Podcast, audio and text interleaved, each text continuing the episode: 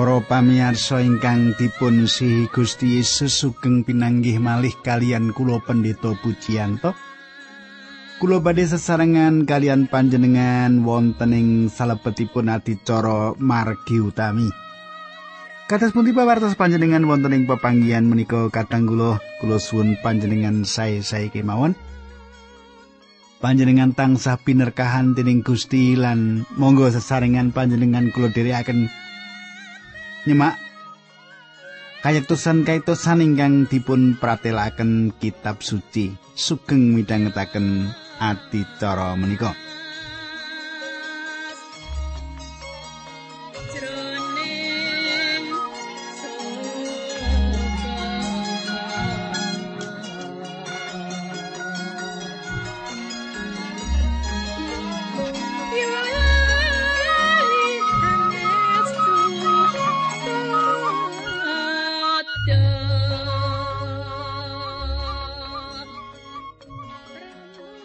Para pamirsa duk nalika kepengker kula sampun ngaturaken dumateng panjenengan bilih Ayub gadah raos kangen dumateng pangandikanipun Gusti.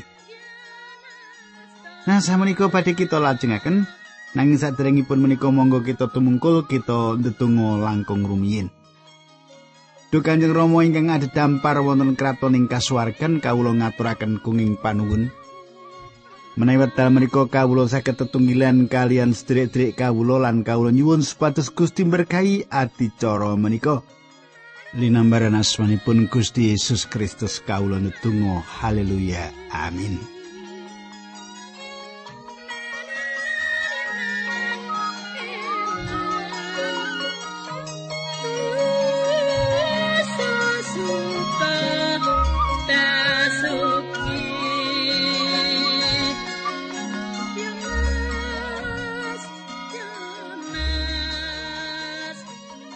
Para pamirsa ingkang kula tresnani kita badhe lajengaken pepanggihan kita menika kepengkar pasal 23 sampun paripurna.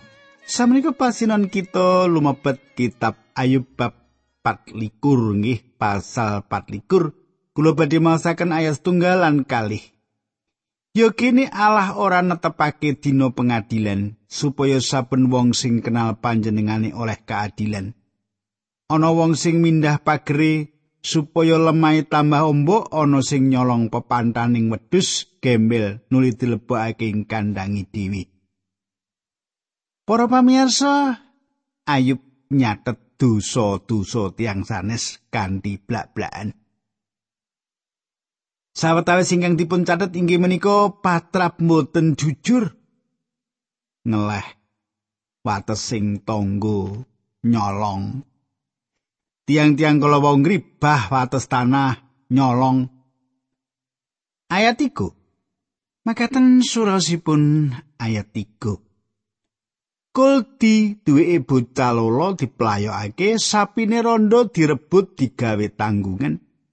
Wong mlarat dialang-alangi nampani pandumane mula wong kesrakat kepeksa padha ndelik Para pamirsa tiang-tiang menika mboten jujur ing salebetipun urusanipun lan tiang-tiang menika mupangataken tiang sanes, mupangataken tiang sanes, malah dumateng tiang-tiang ingkang saweg mbetahaken.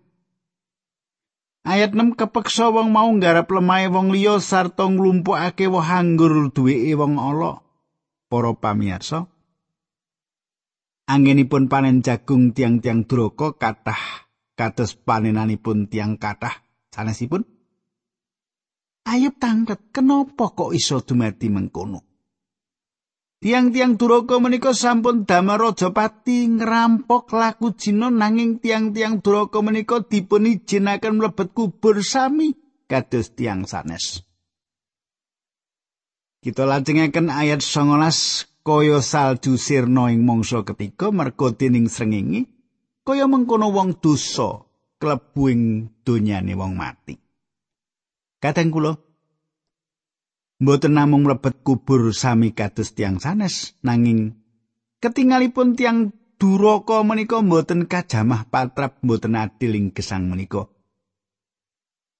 Panci ketingalipun kados-kados tiang-tiang menika dipun remeni lajeng ayub ningali badan piyambak piyambakipun sakit lan mlarat.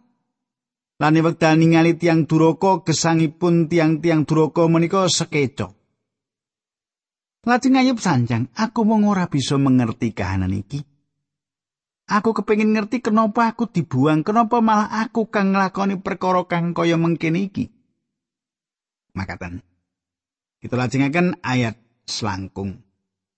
Sopo sing bisa nyelaki barang sing nyata iki lan ngluputake tembungku iki?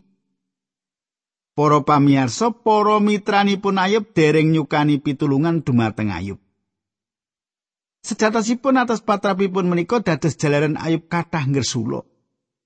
Ing salebetipun peladosan kula kathah nampi satunggal pitakenan lan kula badhe sanjangaken malih meh kaping sewu. Pitakenan menika kenging menapa Gusti Allah ngidinake perkawis menika dumados ing kula. Rak kita asring mireng pitakenan menika makaping-kaping to. Inggih menika ingkang dipun tangletaken Ayub ing mriki. Ayub tanglet. Kenapa Gusti Allah idinake perkara iku nempuh marang aku?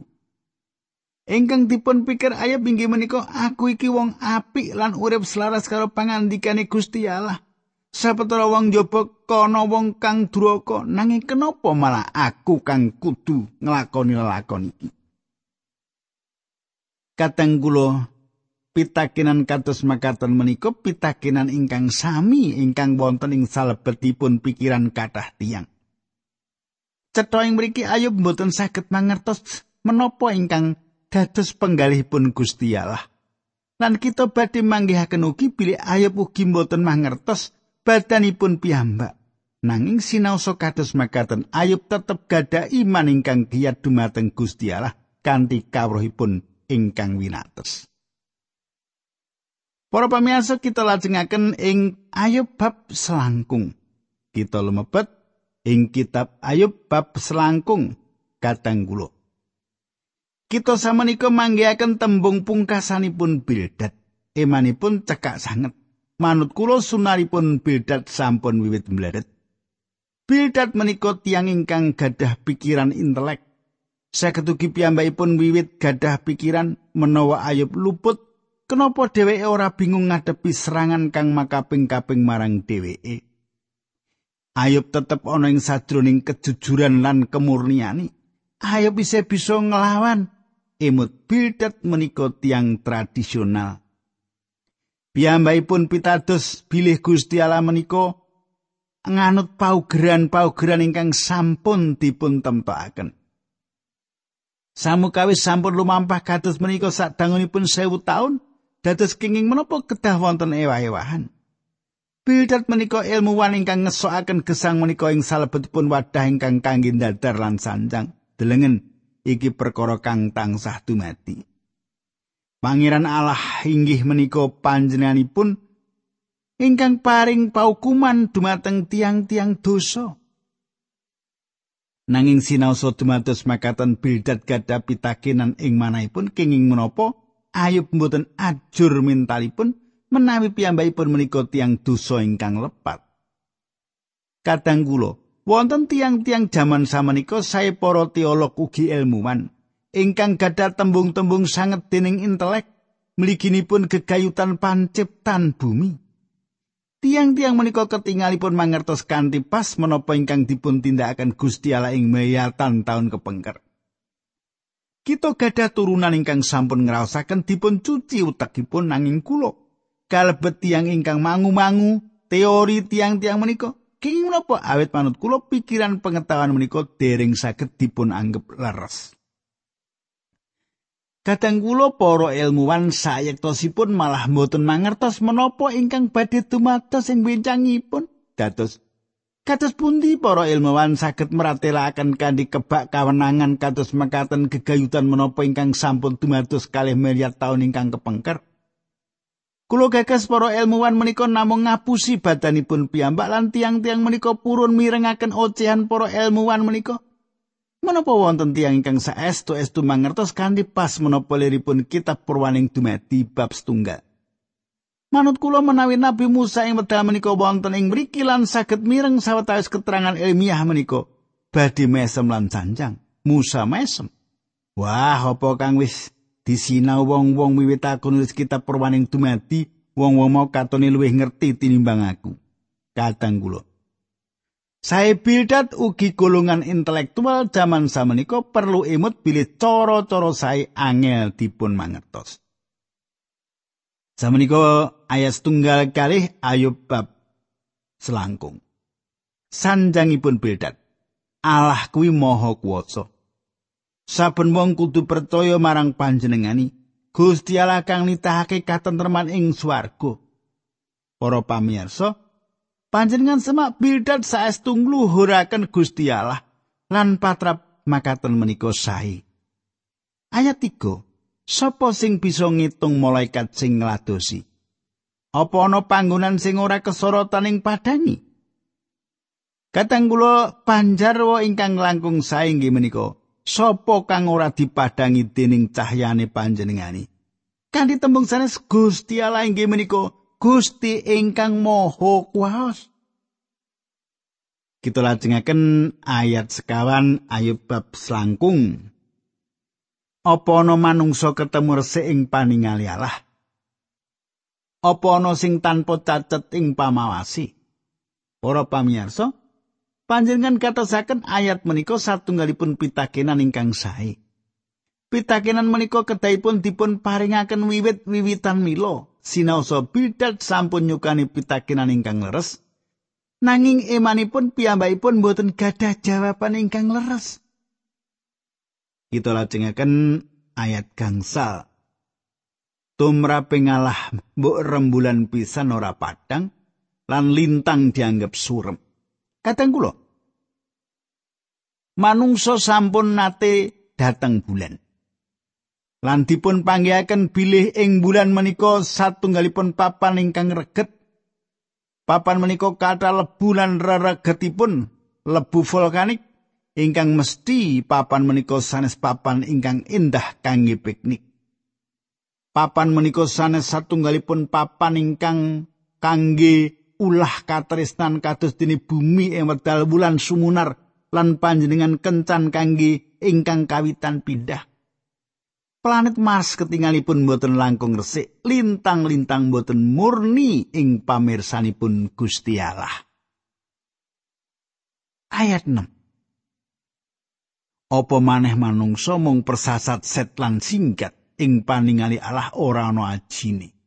Para pamirsa. Wonten tiyang ingkang boten purun ngadepi kasunyatan menika.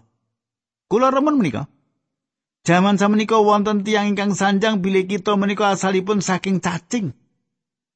Kita asalipun sanes saking cacing kadang kula nanging cacing menika panci cacing. Inggih menika kanan kita ing ngarsanipun Gusti Medha menika kados pundi manungsa ingkang dipun lairaken lumantar wanita. Saged dados suci wonten ing ngarsanipun Gusti Allah. Inggih menika ingkang dados pitakenanipun. Pitakenan ingkang kados makaten menika satunggal pitakenan ingkang sae. Pitakenan ingkang kados makaten menika satunggalipun pitakenan ingkang ngedapi-dapi. Nanging sepindah malih Bildad mboten gadah jawabanipun. Namung Gusti Yesus Kristus ingkang gadah jawaban atas pitakenan menika.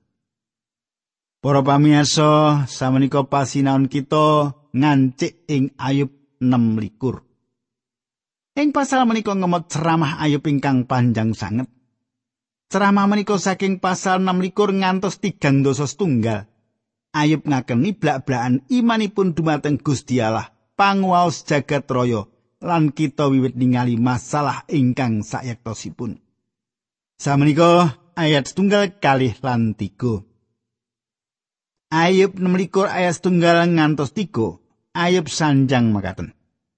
Apa kok kira kowe bisa aweh pitulungan marang aku?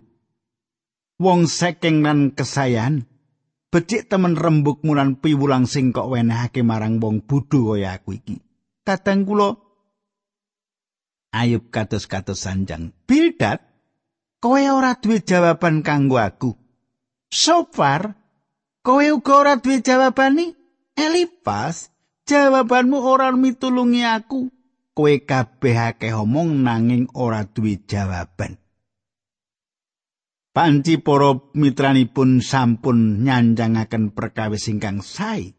Nanging boten gadah makna langsung utawi nyambungaken dumateng Ayub awit boten wonten satunggal kemawon ing antawisipun para mitranipun ingkang saged njawab pitakenanipun Ayub. Inggih menika kenging menapa Ayub kedah nandang kasangsaran. Samenika ayat sekawan. Sopo sing arep ngrungokake tembung-tembungmu kabeh mau? Sopo sing mulang kowe kondo kaya mengkono? Panjenengan katosaken atas praktikal sopo kowe meratelake tembung-tembung iku. Ayo ping mriki nyukani pitakenan, kowe pungkasane duwe pitakonan kang bener, bildat nanging kowe ora duwe jawaban, dados sapa kang wis kapitulungan kanthi rembugan kang kaya mengkene iki? Samenika ayo wiwit lumebet ing salebetipun perembagan ing salebetipun ayo badhe mikak jiwanipun sak wontenipun. Wonten kata perkawis ingkang badhe kalantaraken lan saperangan saking anggenipun mikak jiwanipun menika wonten perkawis ingkang saestu sae. Ayub malah lumebet ing perangan panciptan lan Gusti Allah minangka jejeripun pancipta. Bab 16 ayat gangsal ngantos pitu. Bab 16 ayat gangsal ngantos pitu. Wong-wong sing wis mati padha gumeter ing ngarsane Allah mengkono uga banyu lan apa wae sing ana ing jerone. Ana ing ngarsane Allah donyane wong mati ora ketutupan nanging bukaan nganti bisa kapirsanan. Allah menteng langit ing sisi lor bumi digantung tanpa cantelan. Kadang kula kata perkawis dipun ciptakaken bilih Gusti Allah gelar ler ing sak ngingling kekosongan. Nanging sampun budidaya nedahaken bilih wonten kekosongan ing ler. Gung liwang-liwang ing ler. Bilih mboten wonten lintang-lintang ing satunggalipun papan ing sisih ler. Perkawis menika dipun sebat papan bolong ing lor. Sinaosa kita gadah teleskop ingkang saestu kiat. Nanging kita mboten saged gadah teleskop ingkang kiyat saestu. Kita mboten manggihaken jagat raya ingkang mboten dipun kebai lintang-lintang utawi kita mboten manggihaken jagat raya ingkang sanes. Ayub sanjang pilih Gusti Allah menika ngaupi jagat raya lan nutupi jagat raya menika. Panjenenganipun saged nutupi ruangan ingkang kosong. Ugi kadang kula ruang angkasa menika ciptaanipun Gusti Allah. Menika inggih menika satunggal lintang ingkang dipun ciptakaken Gusti Allah. Miliatan taun cahaya ingkang dados doipun satunggal lintang lan Gusti Allah ugi ingkang nyiptakaken. Menapa ingkang dados jalaranipun lintang-lintang menika mboten tubrukan kados mobil ing margi ageng? Gusti Allah mapanaken ruang angkasa ing antawisipun lintang-lintang menika menapa ruang angkasa menika saged ugi wonten ingkang atur wangsulan kekosongan. Nanging ruang angkasa inggih menika satunggalipun perkawis. Kula mboten mangertos menapa menika nanging menika inggih menika satunggalipun perkawis lan Gusti Allah nyiptakaken kangge cangga barang-barang langit ingkang pinisah antawisipun setunggalan sanesipun. Ruang angkasa inggih menika kados dene pelumas ingkang dipun ginakaken Gusti Allah kangge damel barang-barang ruang angkasa ingkang boten sami tubrukan antawisipun setunggalan sanesipun. Kadang kula panjenengan pirengaken menapa ingkang dipun pratelaken dening Rasul Paulus sing serat Rom 8 ayat 38 ngantos 39. Sebab aku yakin yen ora ana perkara sing bisa misahke kita saka Sang Kristus. Senatan pati utawa urip para malaikat utawa para panguwasa liyane sing ana ing swarga ing jaman saiki utawa sing bakal kelakon. Senatan jagat sing ana ing dhuwur utawa sing ana ing ngisor lan titah apa wae ora ana sing bisa misahke kita saka siye Gusti Allah sing wis kita tampani lantaran Sang Kristus Yesus Gusti kita. Utawi wonten titah ingkang sanes secara harfiahipun utawi satunggalipun barang ciptan liat. Ruang angkasa inggih menika salah satunggal hasil ciptaanipun Gusti Allah. Para mitra perkawis menika nyukani gagasan ing pikiran kita menapa ruang angkasa menika dipun betahaken wekdal dangu kangge kisah dateng bulan. Kados menapa tebihipun ingkang gumelar jembar antawisipun bumi kalian bulan. Kadang kula ampun sanjang kalian kula bilih perkawis menika satunggalipun kahanan boten wonten awit menika wonten. Menapa menika? Kula mboten mangertos, kula mboten gadah wewenang kangge mratelakaken perkawis menika. Kula namung mangertos menapa ingkang sinebat ruang angkasa. Gusti Allah ingkang nitahaken lan perkawis menika wonten ing mriku ngladosi rancangan panjenenganipun. Panjenenganipun gantung bumi tanpa centelan. Sinten ingkang nyukani mangertos ayub perkawis menika? Emot pilih ayub kesang ing jaman bapa luhur tiang Israel. Sinaosa kados mekaten ayub mangertos pilih bumi wonten ing ruang angkasa. Pilih Gusti Allah nyangga bumi ingkang ageng tanpa candelan. Nanging angger-anggeripun ingkang sampun baken satunggalipun gagasan ingkang boten dipun mangertos dening para ahli palintangan jaman kino. Kadang kula ayub mangertos. Bilih panjenenganipun gantungaken bumi tanpa candelan. Mboten wonten landesan kangge nyangga bumi. Menawi bumi dawah dateng pun di bumi menika dawah. Kita ngrembak bab gaya berat. Nanging menika satunggalipun gaya tarik dateng punjering bumi ing wedal panjenengan wonten tebing ruang angkasa mboten wonten satunggal menapa kemawon ingkang katarik menapa kemawon. Kita nampi jawaban ing salebetipun Kolose tunggal ayat 17. Sang Kristus wis ana sadurunge samubarang ana lan ana ing patunggilane Sang Kristus mau samubarang kabeh kapernahake ana ing papane dewi-dewi. Tembung patunggilane inggih menika saking tembung Yunani sunistemi nyangga bareng. Kanthi Sang Kristus sedaya saged dipun tunggalaken. Kita samenika tumuju datang perangan utami saking kitab Ayub. Ayub gadah tertinggalan ingkang ngedapi-dapi gegayutan Gusti Allah minangka ingkang nitahaken. Ing mriku, ing saknginggilipun pecahan lebu, panjenenganipun saged ningali lintang-lintang ing langit lan panjenenganipun sampun nindakaken ugi ing wekdal kepengker. Para pamirsa kita lajengaken ayat 13 ngantos sekawan belas.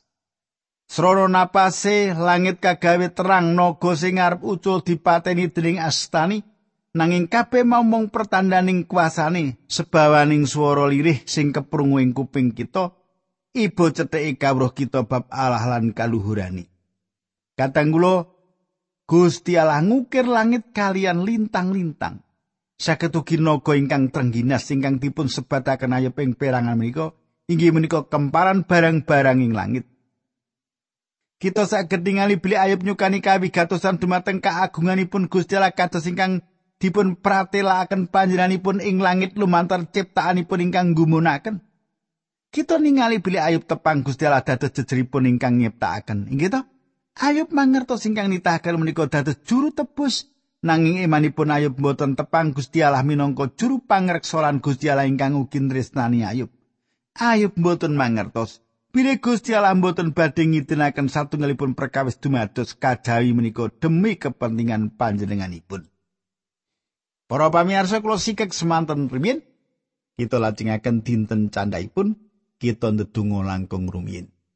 Duh Kanjeng Rama ing swarga kawula ngaturaken gunging panuwun menawi dal menika kawula saged tetunggilan kalian sederek-sederek kawula. Kawula nyuwun berkah paduka Gusti linambaran asmanipun Gusti Yesus Kristus kawula ndedonga. Haleluya. Amin.